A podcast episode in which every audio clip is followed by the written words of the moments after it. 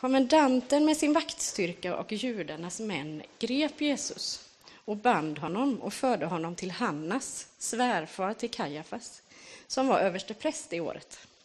Det var Kajafas som hade förklarat för judarna att det var bäst att en enda man dog för folket. Simon Petrus och en annan lärjunge följde efter Jesus. Den lärjungen var bekant med översteprästen och han följde med Jesus in på översteprästens gård. Men Petrus stod kvar utanför porten. Den andra lärjungen, han som var bekant med översteprästen, gick då ut och talade med tjänsteflickan som vaktade porten och tog med Petrus in. Men flickan vid porten sa till Petrus, hör inte du också till den där mannens lärjungar? Han svarade, nej, det gör jag inte. Tjänarna och vakterna stod och värmde sig vid en koleld som de hade tänt eftersom det var kallt. Petrus stod där också och värmde sig tillsammans med dem. Översteprästen frågade Jesus om hans lärjungar och om hans lära. Jesus sa, jag har talat öppet till världen. Jag har alltid undervisat i synagogorna och i templet där alla judar samlas. Jag har inte sagt något i hemlighet. Varför frågar du mig? Fråga dem som har hört mig vad jag har förkunnat för dem. De vet ju vad jag har sagt. En av vakterna som stod där gav honom då en örfil och sa, ska du svara översteprästen på det sättet? Jesus sa, har jag sagt något som var fel, så säg vad det var. Men om jag har rätt, varför slår du mig? Hannas skickade då honom bunden till översteprästen Kajafas. Men Simon Petrus stod där och värmde sig. De sa till honom, hör inte du också till hans lärjungar? Petrus förnekade det. Nej, det gör jag inte. Då sa en av översteprästens tjänare, en släkting till honom som Petrus hade huggit örat av. Såg jag dig inte tillsammans med honom i trädgården? Petrus förnekade det än en gång och just då gol en tupp. Amen. Gott att få lyssna till Guds ord. Tack Sabina.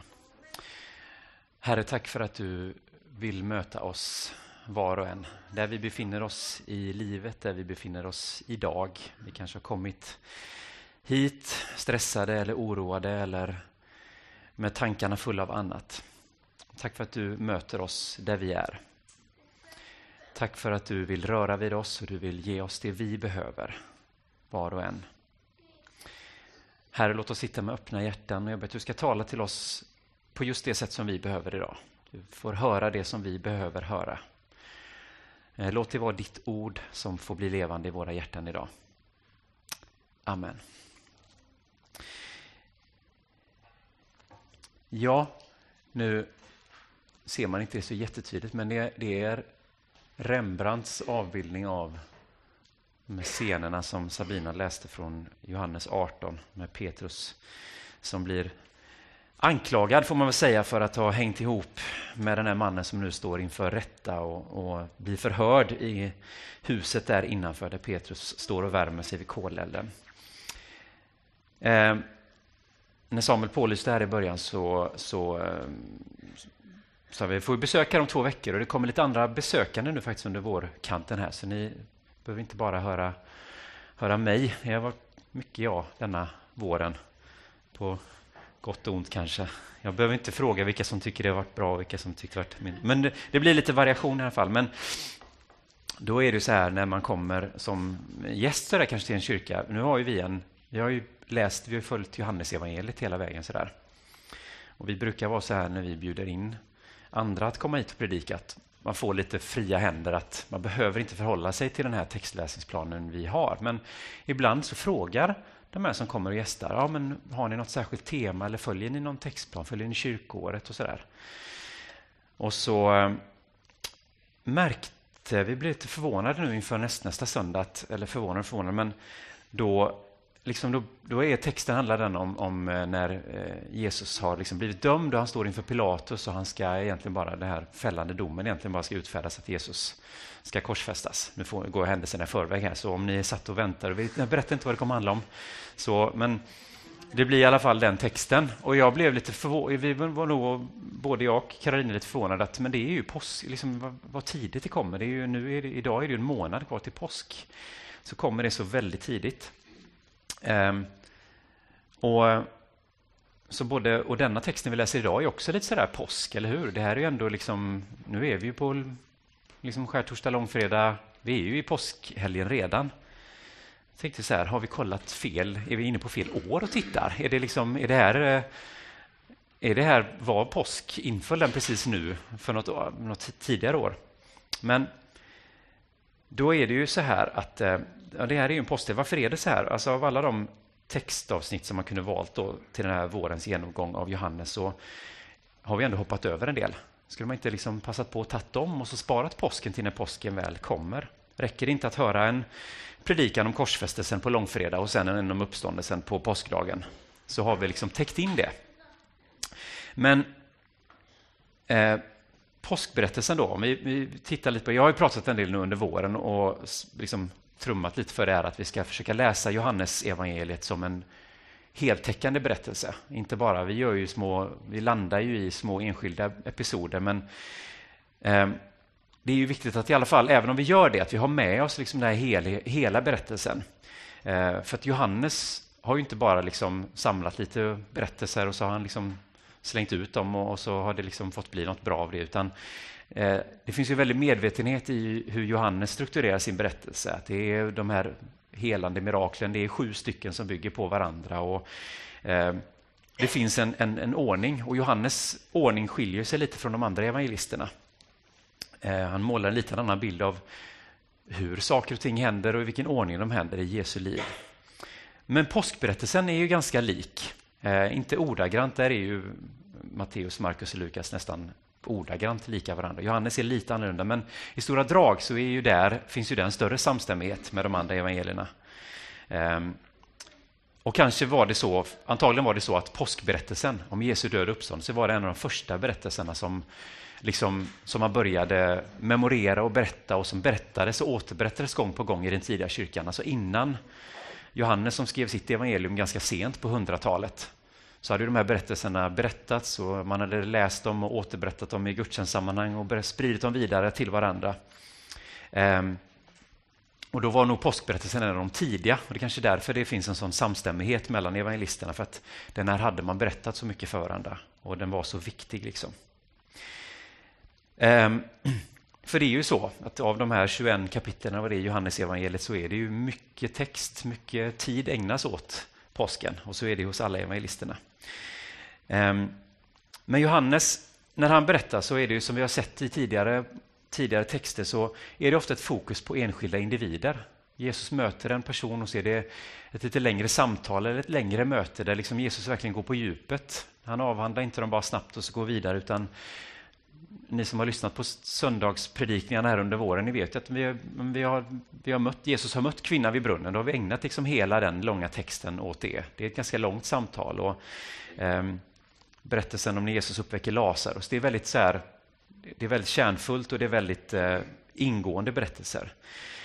Fokuserat på enskilda individer. Vi mötte Andreas och Filippos och Nikodemus, kvinnan vid brunnen, Lazarus, Maria och Marta. Och här möter vi i denna texten möter vi Petrus. Och vi kommer möta Pilatus.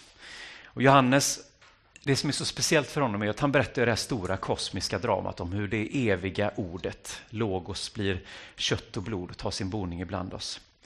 Men det är också det här kosmiska dramat, det är också en berättelse om mötet mitt i livet med enskilda individer från alla platser, klasser, kön och status i det dåtida samhället. Ehm, och det är ju först när berättelserna kommer på sådär nära håll ehm, och blir levande och konkret som det blir i mötet med de här människorna. Som det är först då jag tror att vi kan relatera till det. Alltså ett evigt logos kan vi ju egentligen bara förhålla oss till i tillbedjan och vördnad. Men en Jesus som får kött och blod och som blir människa och påtaglig som vi kan lära känna, då blir det plötsligt väldigt nära oss. Det blir någon vi kan relatera till. Som Jesus själv säger, att den som har sett mig har sett Fadern. Ja, Jesus är den förkroppsliga, förkroppsligade, evige guden. Och det är ju så som sagt i denna berättelsen, den texten vi har läst idag också, att vi möter en person här. Det är Petrus som står lite i centrum. Och egentligen är det lite fel. Han är egentligen inte huvudpersonen i denna berättelsen, men det är lite hans erfarenhet vi kommer stanna kring. Um, och ehm, med Johannes då, liksom, det är ju inte som sagt bara en massa lösryckta berättelser och sen råkar Jesus hamna inför rätta och bli korsfäst och, och, och dödad. Och sen har vi ett lyckligt slut på slutet. Utan Johannes har ju en, som jag sagt också, han har ju en tanke med hur han berättar sin berättelse. Det finns ofta tillbakablickar och det finns framåtblickar. Och denna berättelsen är ett sånt där jättebra exempel på hur det lönar sig att ha liksom hängt med och hur det lönar sig att veta också hur det slutar lite. För Johannes han gör så mycket sådana anspelningar på vad Jesus har sagt tidigare, vad som kommer sen. Eh, mycket av detta är redan bekant för oss, jag ska inte upprepa allt det där, utan, men vi har med oss det in i denna texten. Därför att för Johannes är detta viktigt. Det här är berättelsen om Jesus Kristus. Det är hela berättelsen.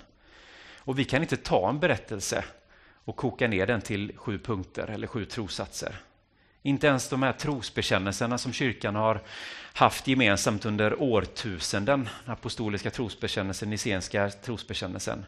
De gör ett försök att sammanfatta allting. Men inte ens de kan ju få med helheten. De kan få med viktiga punkter, men de berättar ju inte hela berättelsen. De berättar inte om hur Jesus umgicks med människor och hur han låg till bords och hur han, hur han var med människor. Det är ju ändå en ganska fyrkantig och platt Jesus vi får i trosbekännelserna. Men när vi läser hela berättelsen, den rika berättelsen om alla interaktioner och möten Jesus har med människor, då, är det ju en, då blir Jesus levande för oss på ett annat sätt. Um, och Det är så Johannes förutsätter att vi läser den här berättelsen, att vi läser den här för att verkligen lära känna och få hela storyn. Um, så vi ska titta på bara några av de här anknytningspunkterna och, och, och se hur vi kan, för att det kanske kan hjälpa oss liksom att leva oss in i berättelsen och få den mer att öppna sig för oss. Det är framförallt en sak som vi ska titta på i den här texten, som finns i den här texten, där vi visserligen kan vara behjälpta att vara bekanta med historien så här långt. För att genomgående, som jag sa, så Johannes han vill ju skildra inkarnationen, alltså att Jesus, det gudomliga, blir människa och att Jesus är både Gud och människa. Han är människosonen och han är det eviga logos, det eviga ordet i en och samma person. Det är ju det allting handlar om, att Gud har klivit ner och bott, tagit, sin, tagit sin boning ibland oss. Och ett av de sätt som Jesus talar om detta, det är genom att han anspelar på det gammaltestamentliga gudsnamnet. Det som man skriver med YHWH, eller Javé säger vi ibland. Och det brukar man översätta med jag är.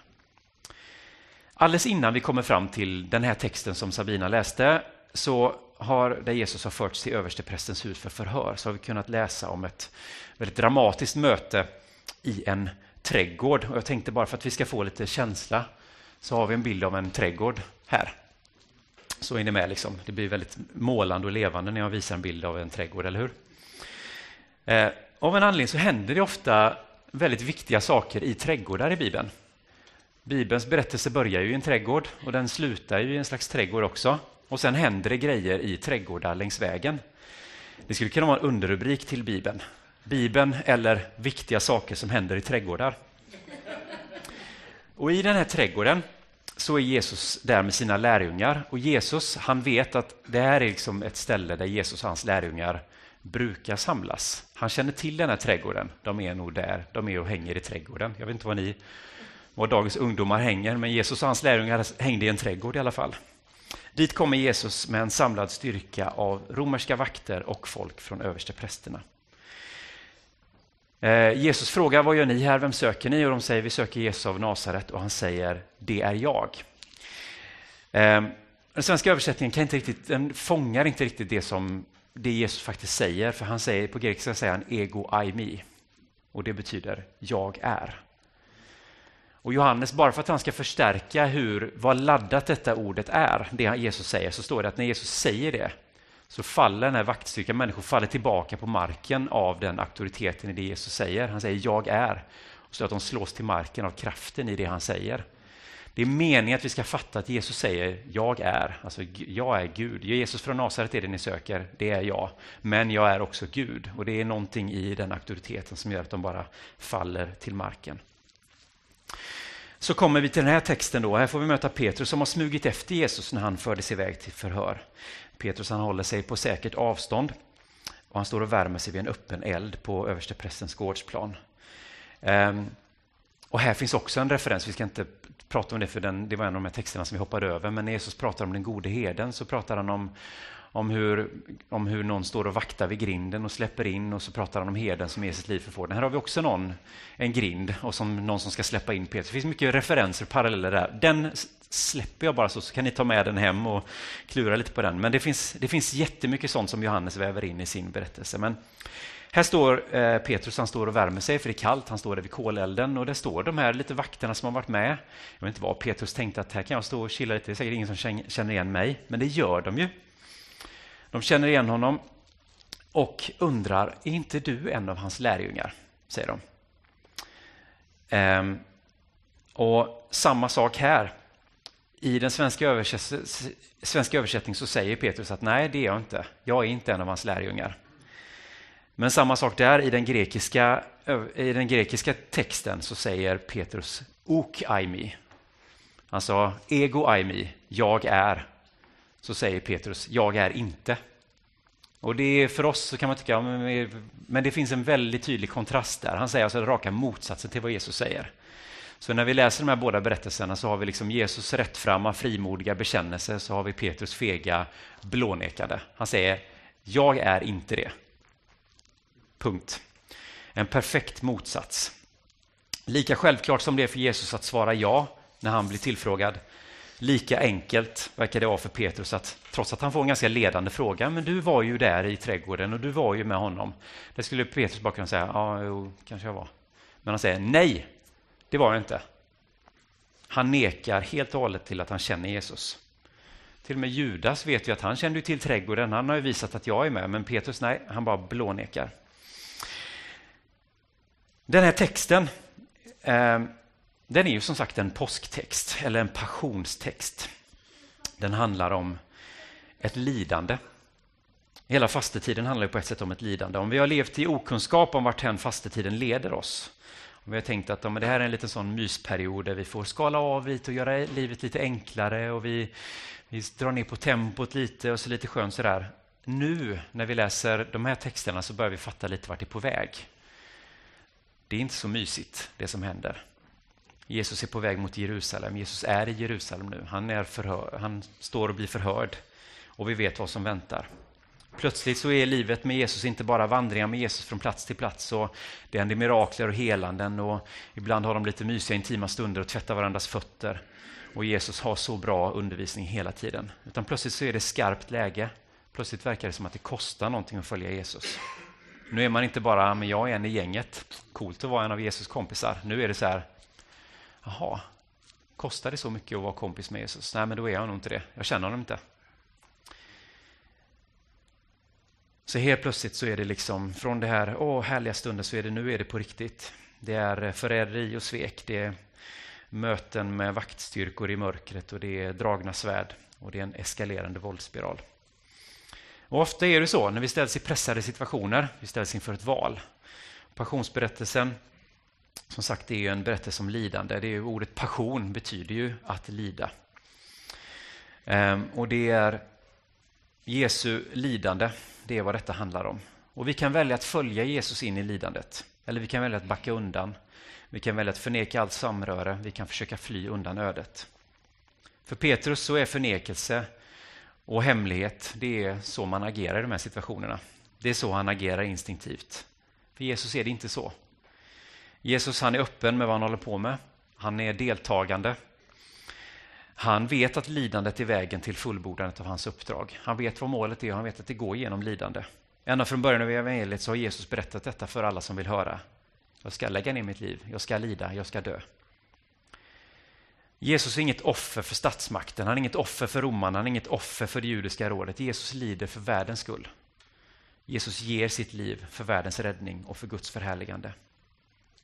Och De här båda förhållningarna till lidande det ställer frågor till oss också. Kan vi vara öppna och ta emot på det sättet som Jesus gjorde? Kan vi gå in i lidandet med öppna ögon utan skygglappar? Kan vi hålla ut till slutet? För Petrus så går inte detta. Han orkar inte. Han väljer det som han ser som en enda utväg, att det är bättre att förneka Jesus. Det är bättre att bara stänga dörren och bara vända ryggen till allt det som har varit, än att behöva ta konsekvenserna.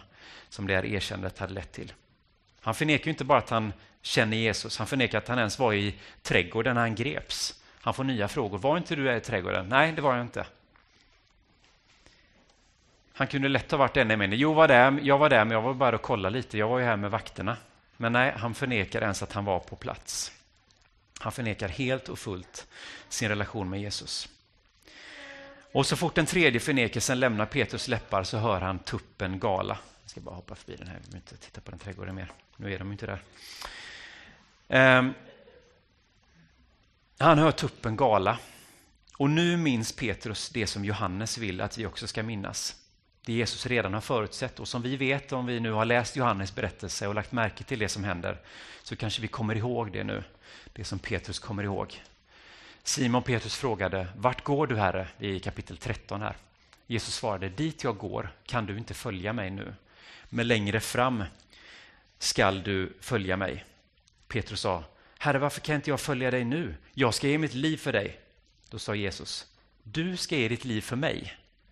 Sannerligen, jag säger dig, tuppen ska inte gala förrän du tre gånger har förnekat mig. Och nu, åtta, eller fem kapitel senare, i kapitel 18, så händer detta. Petrus i kapitel 13, han vill så gärna följa Jesus. Allting går ju så bra och det är så gött att vara med Jesus. Det är klart jag följer dig. Självklart Jesus, jag är ju på din sida. Absolut, jag är din sidekick. Men Jesus visste att han var inte redo, han skulle inte vara redo. Hur mycket tid han än spenderade, hur mycket han än satt och lyssnade på Jesus långa tal om hur jag är med er och jag, allting liksom, min frid ger jag er, ger er min ande, allting. Han har bara gett så mycket, det är som att Petrus, han har liksom inte, han hörde men det hände liksom ingenting. Det blev ingenting. Och när det väl kommer till krita, när det väl liksom blir på allvar, då viker han ner sig. Han ville så gärna. Men Jesus visste att han är inte redo. Han kommer inte vara redo. Han var inte redo då, han kommer inte vara redo än. Du ska följa mig, men inte nu. Men det slutar inte där. Och här kommer ju det här, om vi läst hela boken så vet vi att det kommer någonting bra sen ju. Det slutar ju bra. För när vi läser vidare i Johannesevangeliet, de sista kapitlen, så upptäcker vi ju att det sker ju en fullständig upprättelse. Först ska vi läsa en till berättelse om en trädgård och en grav. Men sen kommer vi läsa om en annan öppen eld, där Petrus står och värmer sig. Då är den på en strand istället. Och Petrus kommer få tre nya försök att bekänna, ja, jag är med dig Jesus. Och att tillhöra Jesus, det är att älska. Det är inte att säga rätt saker. Det är inte att vara kaxig, det är inte att dra ett svärd när det hettar till. Utan det är att älska och uttrycka det i handling. Jesus visste ju att allt detta skulle hända. Han har ju förutsett det. Du kommer, det kommer bli så, Petrus. Det kommer hända. Som jag märkt när Jesus säger att saker ska hända så brukar det hända också. Tuppens galande är ju en bekräftelse på detta. Jesus vet att vi kommer också svika när det hettar till. Vi säger att vi är redo att följa, vi vill så gärna. Men det kommer komma tider när vi också sviker, när vi viker ner oss. Men han vet också att samma lärjungar som sviker honom kommer också vara de som proklamerar evangelium för världen. Det är precis det han säger tidigare i kapitlet där i vers 21. Fråga dem som har hört mig vad jag har förkunnat för dem. De vet ju vad jag har sagt. Det är nog en anspelning på Petrus där. Fråga honom, han har hört mig. Det är en anspelning på oss kanske. Den tid kommer när de som har svikit kommer att vara frimodiga. Petrus var inte det då, men det kommer en dag när han kommer att vara frimodig. Efter allt detta har hänt. Och Jesus visste om det. Därför att, och det här jag vill mena också lite att det är inte Petrus som är huvudpersonen egentligen här, utan det är Jesus som är huvudpersonen i denna berättelsen. Detta är berättelsen om Jesus. Därför att de lärjungarna som har svikit, det är också de som har fått uppleva att trots att vi svek så var Jesus trofast. Trots att vi vek ner oss så älskade Jesus oss ändå. Han övergav inte oss fastän vi övergav honom. Hans kärlek är villkorslös. För i slutändan så handlar inte denna texten om att Petrus är misslyckad. Det handlar om att Jesus är trofast ända till slutet. Så i slutändan så kan vi läsa detta och tycka att ja, det är så sorgligt att Jesus får vara där ensam. Och Petrus, hans närmsta kan man då tycka kanske, eller hans den som ska vara där, som alltid har varit där. Han sviker honom. Men i slutändan så är detta en hoppfull text för att det finns hopp för Petrus. Om det finns hopp för Petrus som sviker Jesus i detta läget, då finns det nog hopp för dig och mig också. Även om där vi upprepade gånger misslyckas med samma sak. Och vi har valt bekvämlighet vid den öppna elden och kanske glida in i anonymiteten istället för att stå upp och stå raka och fasta i vår övertygelse om vad som är rätt. Till och med när vi kanske hört tuppen gala, så att säga, över vår bristfällighet. Till och med då är vi fria att älska frimodigt. Att precis som Petrus får den här uppgiften att vårda, ta hand om, att mätta och att vittna om den här överflödande, eviga, livgivande kärleken som Gud har till våran värld. Amen. Herre, du känner oss. Du vet våra misslyckanden och vi vet dem själva. Vi vet alla de här gångerna som vi har vikit ner oss, som vi har svikit dig. Kanske inte på ett sådär dramatiskt sätt som Petrus gör, som har förevigats i text och som har lästs av miljarder människor genom århundradena. Sådana misslyckanden har kanske ingen av oss. Men vi har misslyckanden. Vi har misslyckanden offentligt som vi skäms för, där vi har gjort bort oss. Vi har misslyckanden privat, där, där vi vet att här vek jag ner mig, här svek jag min egen övertygelse, här svek jag mina värderingar, här svek jag det jag trodde på. Tack Jesus att du har förutsett allt det. Du vet att vi inte räcker till. Du vet att vi är bristfälliga, att vi gång på gång sviker. Men du vet också att det är de här svikande, svaga, bräckliga människorna. Det är också vi som får bära budskapet om en Gud som är trofast i alla fall. Därför att det handlar inte om att vi har en hög bekännelse och att vi säger de rätta orden och är så, har så stark tro hela tiden. Det handlar om att du är trofast hela vägen, även när vi sviker. Jag ber för var och en som är här idag och som känner sig misslyckad. Du kanske har svikit.